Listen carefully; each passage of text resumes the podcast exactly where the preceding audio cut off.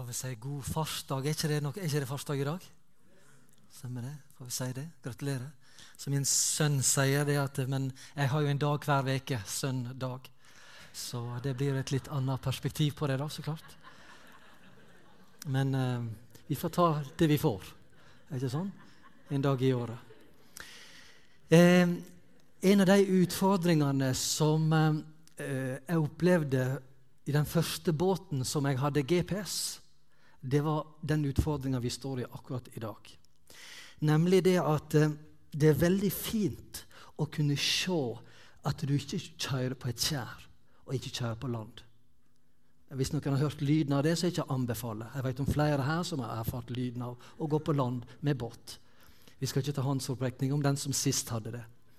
Men, men, det er veldig viktig, så derfor er det veldig bra med GPS og kartplottene som gjør at du kan se nøyaktig hvor du er. Og da må du ha nært. Du må ha zooma ganske nært inn, og da ser du det best. Dilemmaet med den første spesielt det var det at det var vanskelig å få zoome ut igjen og få et stort bilde. Fordi det, det, er veldig greit å vite at du ikke kjører på skjær, og den neste er 20-30 meter bort. Men det er veldig dumt å ha, ikke kjøre på skjær, men allikevel kjøre feil retning. Og det var det jeg mistet. Jeg mistet oversikten, spesielt de første årene hvor jeg ikke kjente sørlandskysten så godt.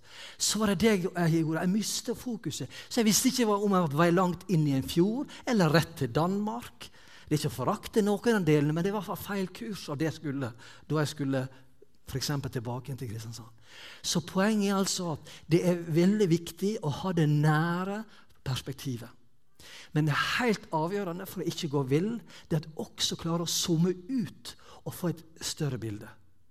Og Det var det vi gjorde sist gang. Da zooma vi inn. Og så snakket vi om den teksten som Jesus snakka om i bergpreka. Det nye livet, det nye riket.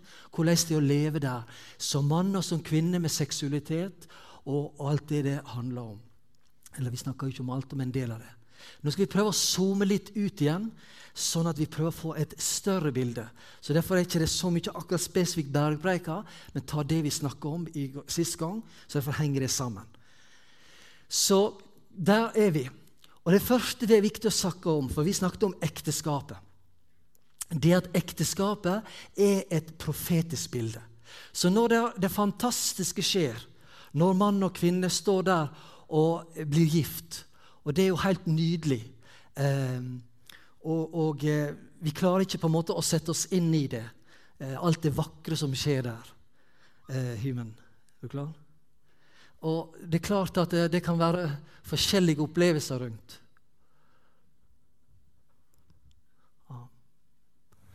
Så vakkert kan det være. Er ikke det romantisk? Nydelig bilde, og, og bakgrunnen er helt utrolig. Ja. Så så perfekte kan de momentene være. Eh, ønsker i hvert fall skal være perfekt. da. Og Sånn er det jo av og til i livet òg, alt er ikke helt perfekt. Men, men, det som skjer, noen tror jo det, at når noen blir gift, så er det det som skjer. Men det er altså noe mer. Da har en zooma inn. Vi trenger å zoome ut. For det er når mann og kvinne gir hverandre sitt ja, så er det noe mye, mye større som skjer. Det er egentlig bare et dramastykke. Jo da, det er det også. Men nå zoomer vi altså ut. Det er et dramastykke av det som en dag skal skje. Det er det faktisk. Og Paulus sier det at eh, for vi er lemmer på hans kropp. Derfor skal mannen forlate far og mor og holde fast ved sin kvinne. Og de to skal være én kropp. Dette er et stort mysterium. Ok, Paulus, hva er et stort mysterium? Mann og kvinne? Holde fast? Nei, jeg tenker på Kristus og kirken. Men det gjelder også hver enkelt av dere. Hver mann skal elske sin kone som seg selv, og hun skal ha respekt for sin mann. Dette er et stort mysterium i en tenker på Kristus og kirken. Og det beskriver Bibelen. Kristus som brudgommen, et bilde. Og menigheten, jeg og du, som brura, som da en dag skal bli forent.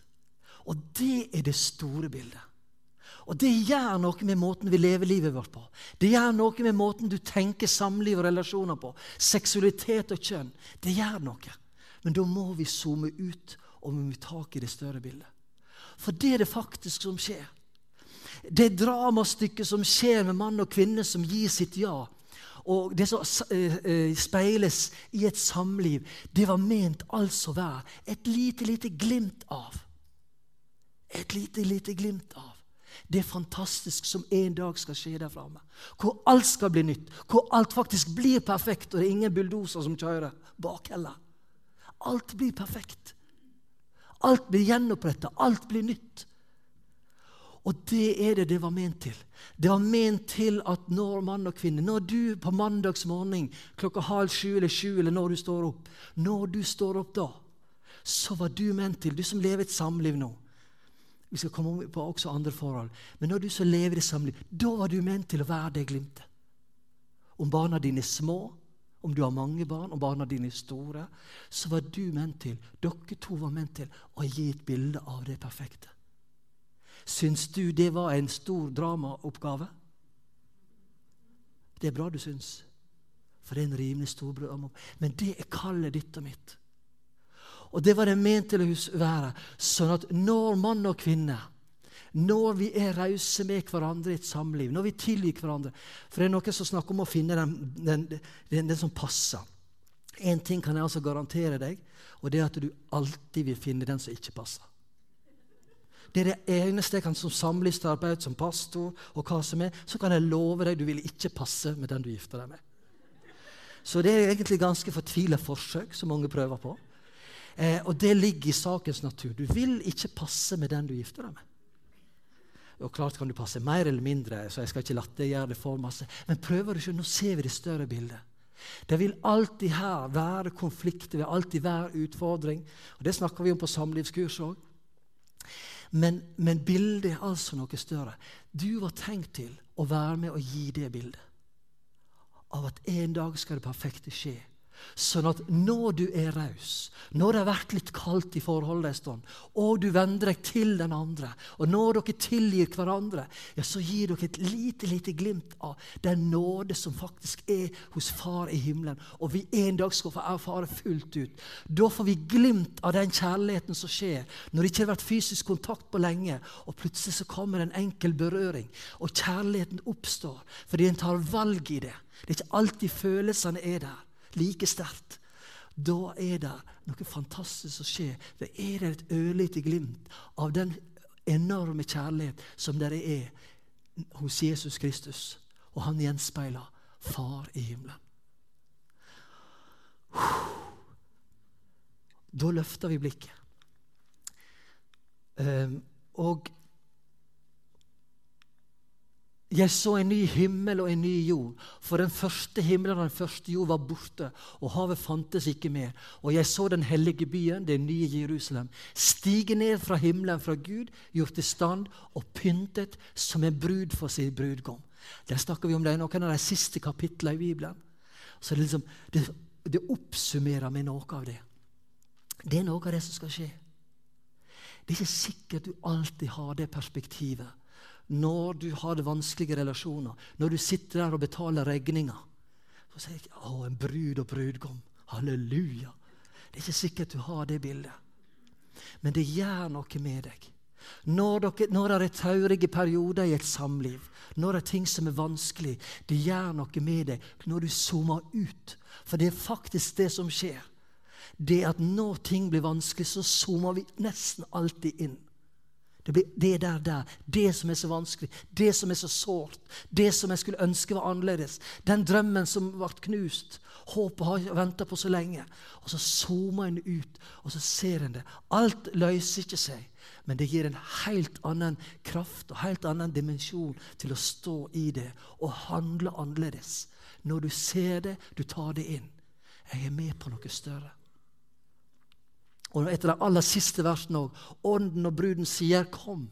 Og den som hører det, skal si 'kom'. Den som tørster, skal komme, og den som vil, skal få livets vann som gave. Ånden, ånden det er jo Jesus, det. Og bruden, det er jo, i det bildet her er det vi, det er menigheten, det er jeg og du. Og det er den verdensvide kirke. Bare én menighet på jord, dypest sett den sier 'kom' også. Og det skjer at når, vi får, når Den hellige ånd kommer nær og får fylle vår liv, og vi forstår Guds ord og vi ser det, så skapes den lengselen i oss. 'Jesus, kom. Jeg vil være sammen med deg.'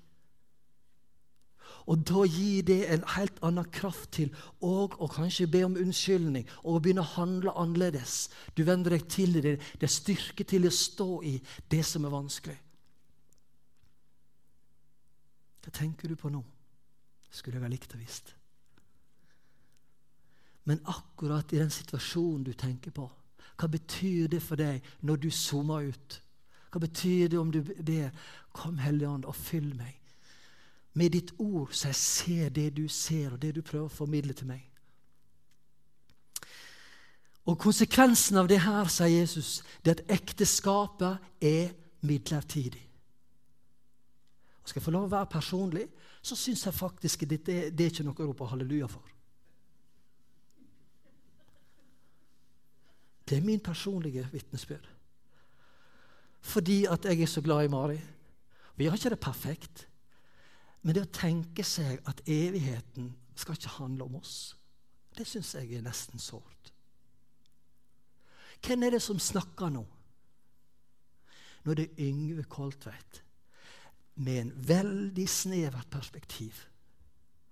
Vi skal lese. Men Jesus svarte dem, dere farer vill fordi dere ikke kjenner Skriften og heller ikke Guds makt. For etter oppstandelsen verken gifter de seg eller blir giftet bort. Nei, de er som engler i himmelen.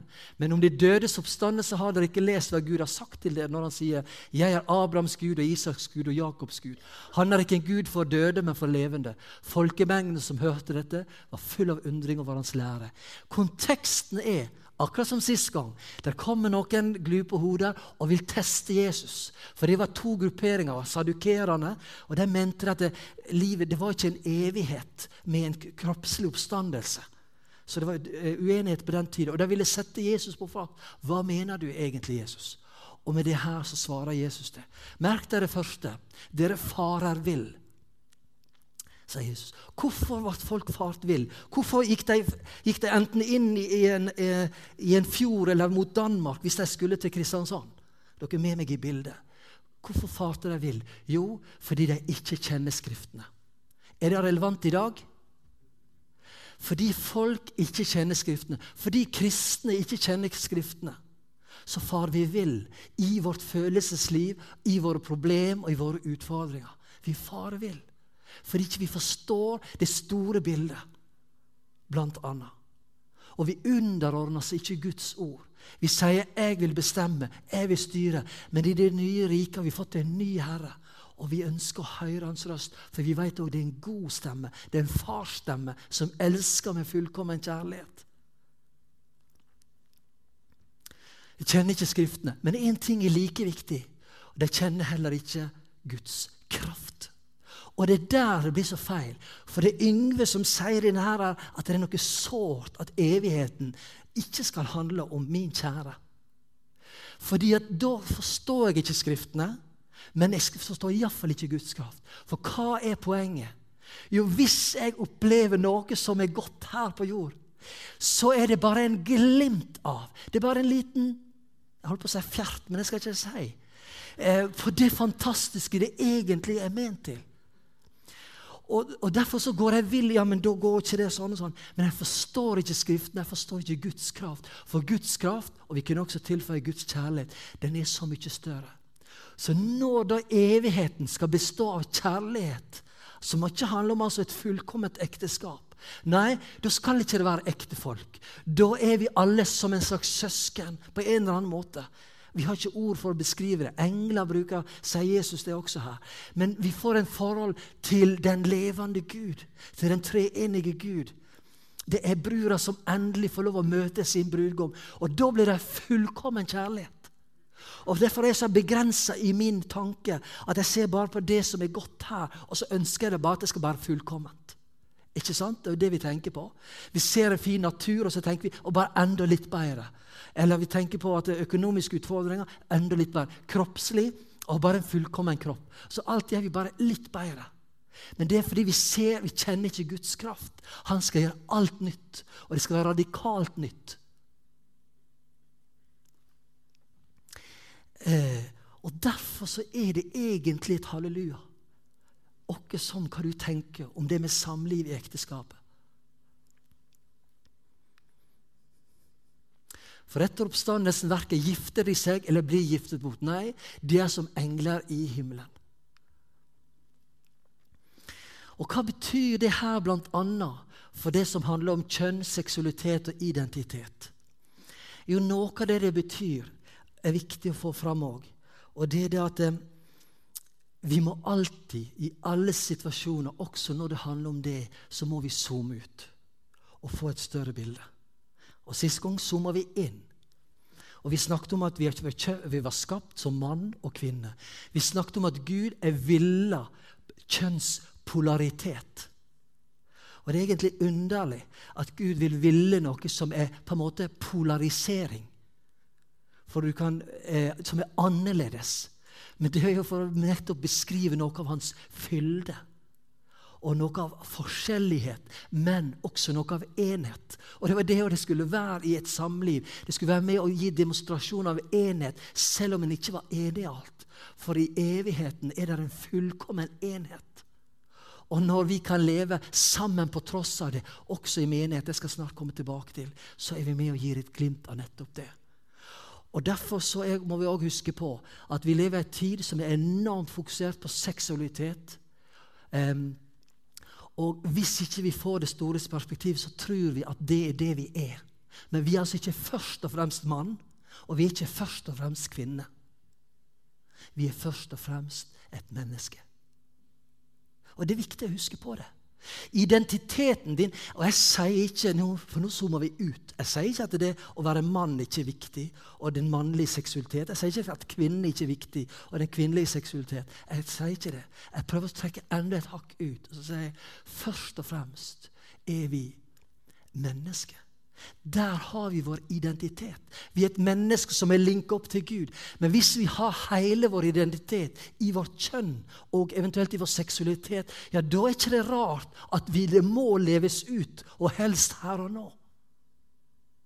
For det ligger i meg. Jeg bare må det. Det er naturlig. Ja, det er naturlig, men med et rett perspektiv. Med det perspektivet at du først og fremst er et menneske skapt i Guds bilde. Og så blir det jo alle de på den sida her av evigheten, de utfordringene som mange av oss kan kjenne på i forhold til kjønn og på identitet, kan få et annet perspektiv. Hører dere at det er fullstendig krasj mot det du kan eh, høre på TV og lese om? Fullstendig krasj. Og det er ikke så rart at det er noe som krasjer når det handler om to forskjellige rike.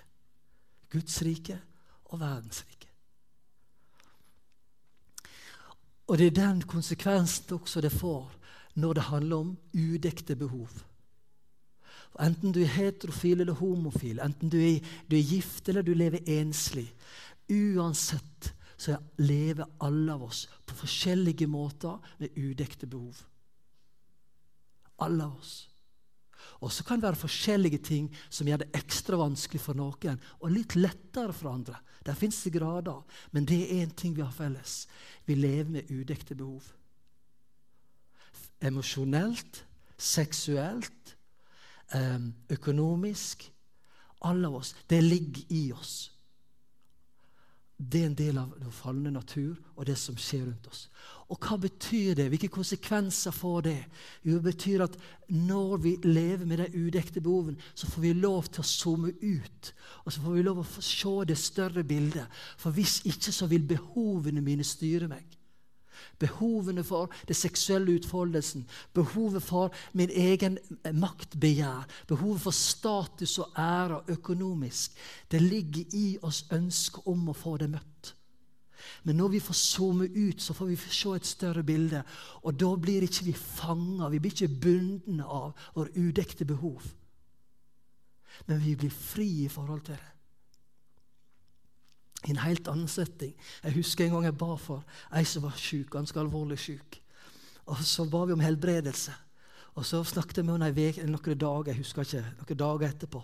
Og Så kom hun bort til meg og så sa hun noe til 'Yngve, jeg er ikke frisk, men jeg ligger ikke lenger under for sykdommen min.' Ser dere?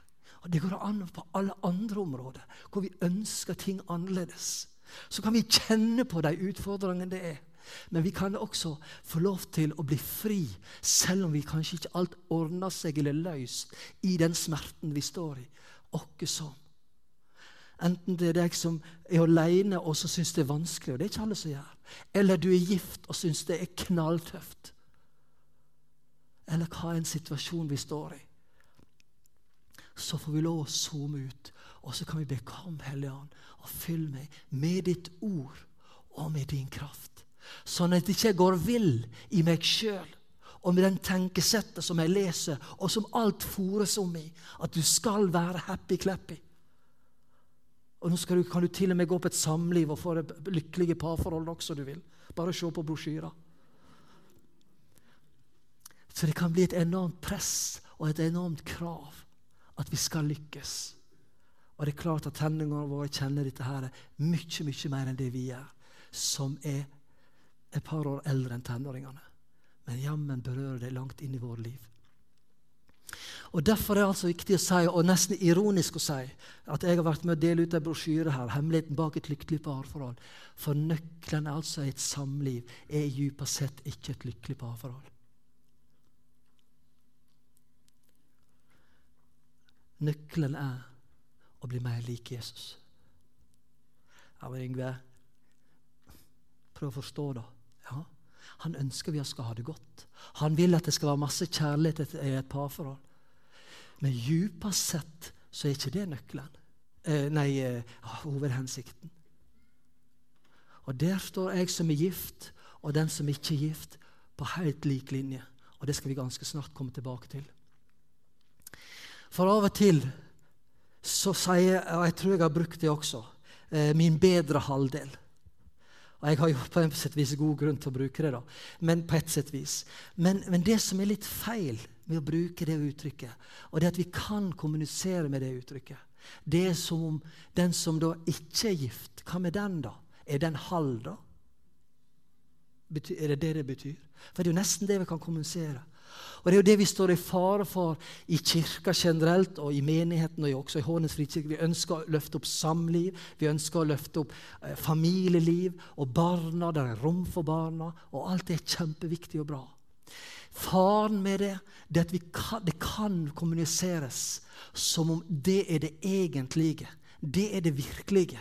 Det er liksom nødvendigvis det beste. Og så er det da noen enslige også.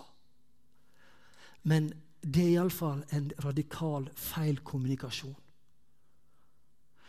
Eh, fordi at eh, vi må huske på at Jesus var enslig.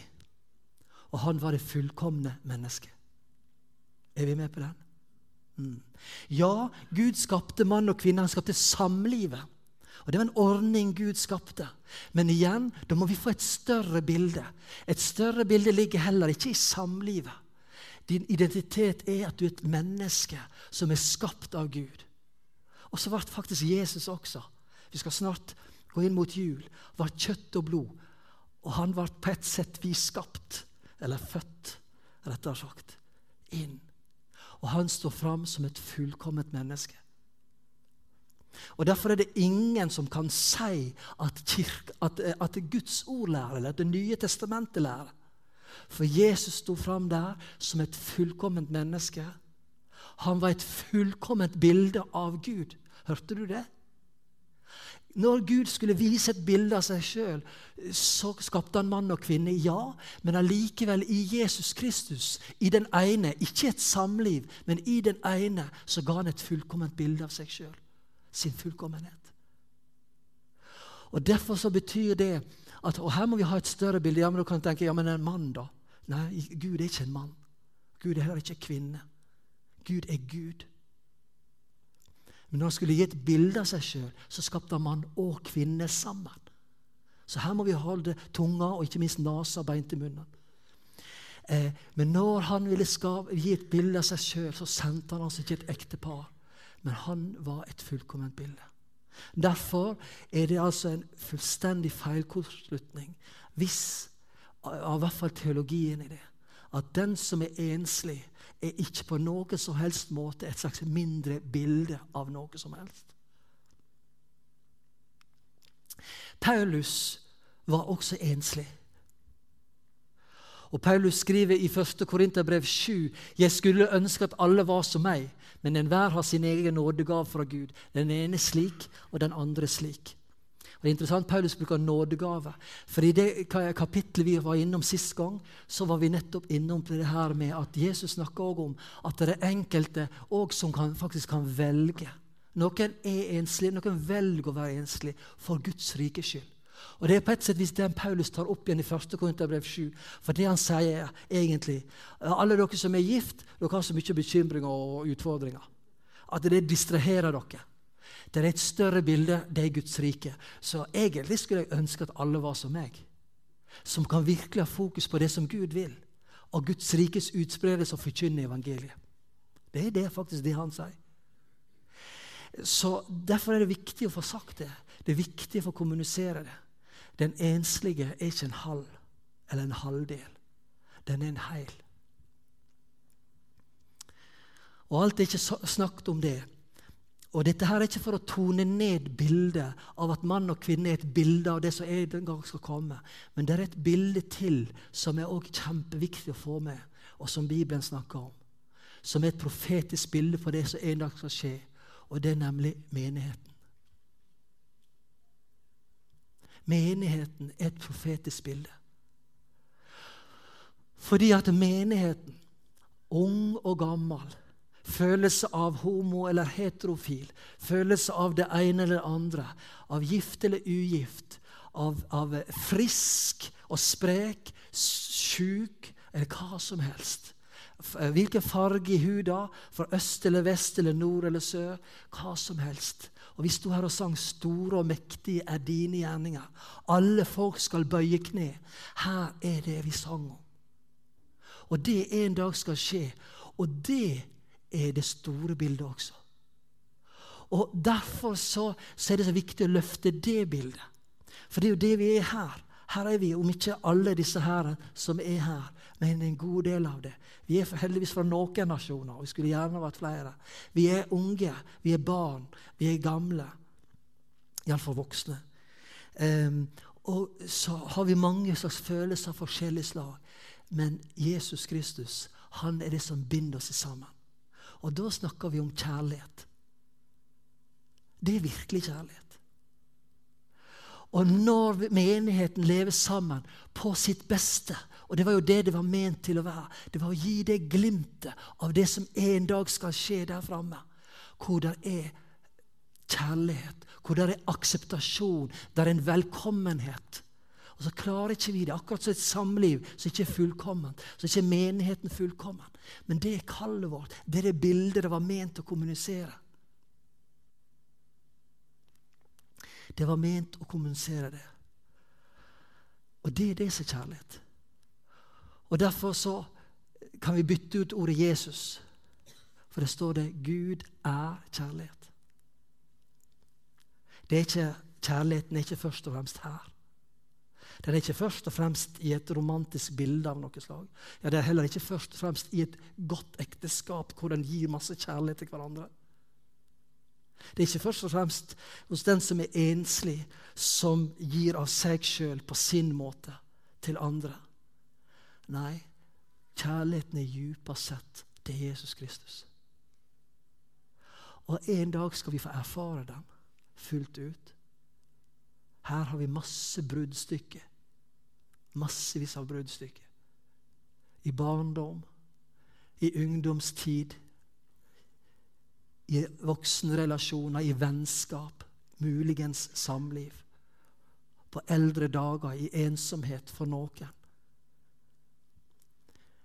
Men glimt av kjærlighet har vi kanskje sett. Og så er det nettopp det. Det er bare glimt. Derfor er det så godt hvis vi kan kjenne Skriftene og vi kan kjenne Guds kraft. Og leve evigheten. Nei, leve hver dag i dag, midt i det vi lever, med evighetens lys. Hva gjør det med deg? Hva gjør det med følelsene dine? Det er ikke det avgjørende, men det kan være veldig nyttig. Hva gjør det med følelsene dine? Hva gjør det med utfordringene du står i? Det gjør at du vil kunne løfte blikket og ta helikopterperspektiv For han ved sin ånd gir deg et større bilde. Og det gir deg kraft til å handle og leve annerledes. Og en dag så skal vi få lov å se han. Vi skal møte han. Og da står det det som vi, ingen av oss virkelig forstår. Da skal han fylle alt i alle. Han skal fylle alt i alle. Da blir det fest. Enda større enn det vi kan forestille oss, med den beste fest av noe slag. Skal vi be? Kom, Herre, med din ånd. Du ser trykket vi står i i vår tid. Hver tid har sine utfordringer, og vi har vår. Men hver tid har også vår mulighet. Og Derfor bare ber jeg om at du skal fylle oss med din ånd, med din kjærlighet. Begynn å erfare det vi en dag skal få erfare fullt ut. For den som er enslig og lever veldig godt med det. For den som er enslig og kjenner som om det bare er på et venterom til noe annet forhåpentligvis kommer. For den som er gift og har det ganske bra. For den som lever i et parforhold og syns det er veldig krevende og skulle nesten ønske seg ut av det. Herre, vil du komme med din kraft over hver enkelt av oss inn i de situasjonene vi står i. For den som er ung og som ser framover, Herre, la den også få lov til å leve med det lyset over livet sitt om det som en dag skal komme der framme. Amen.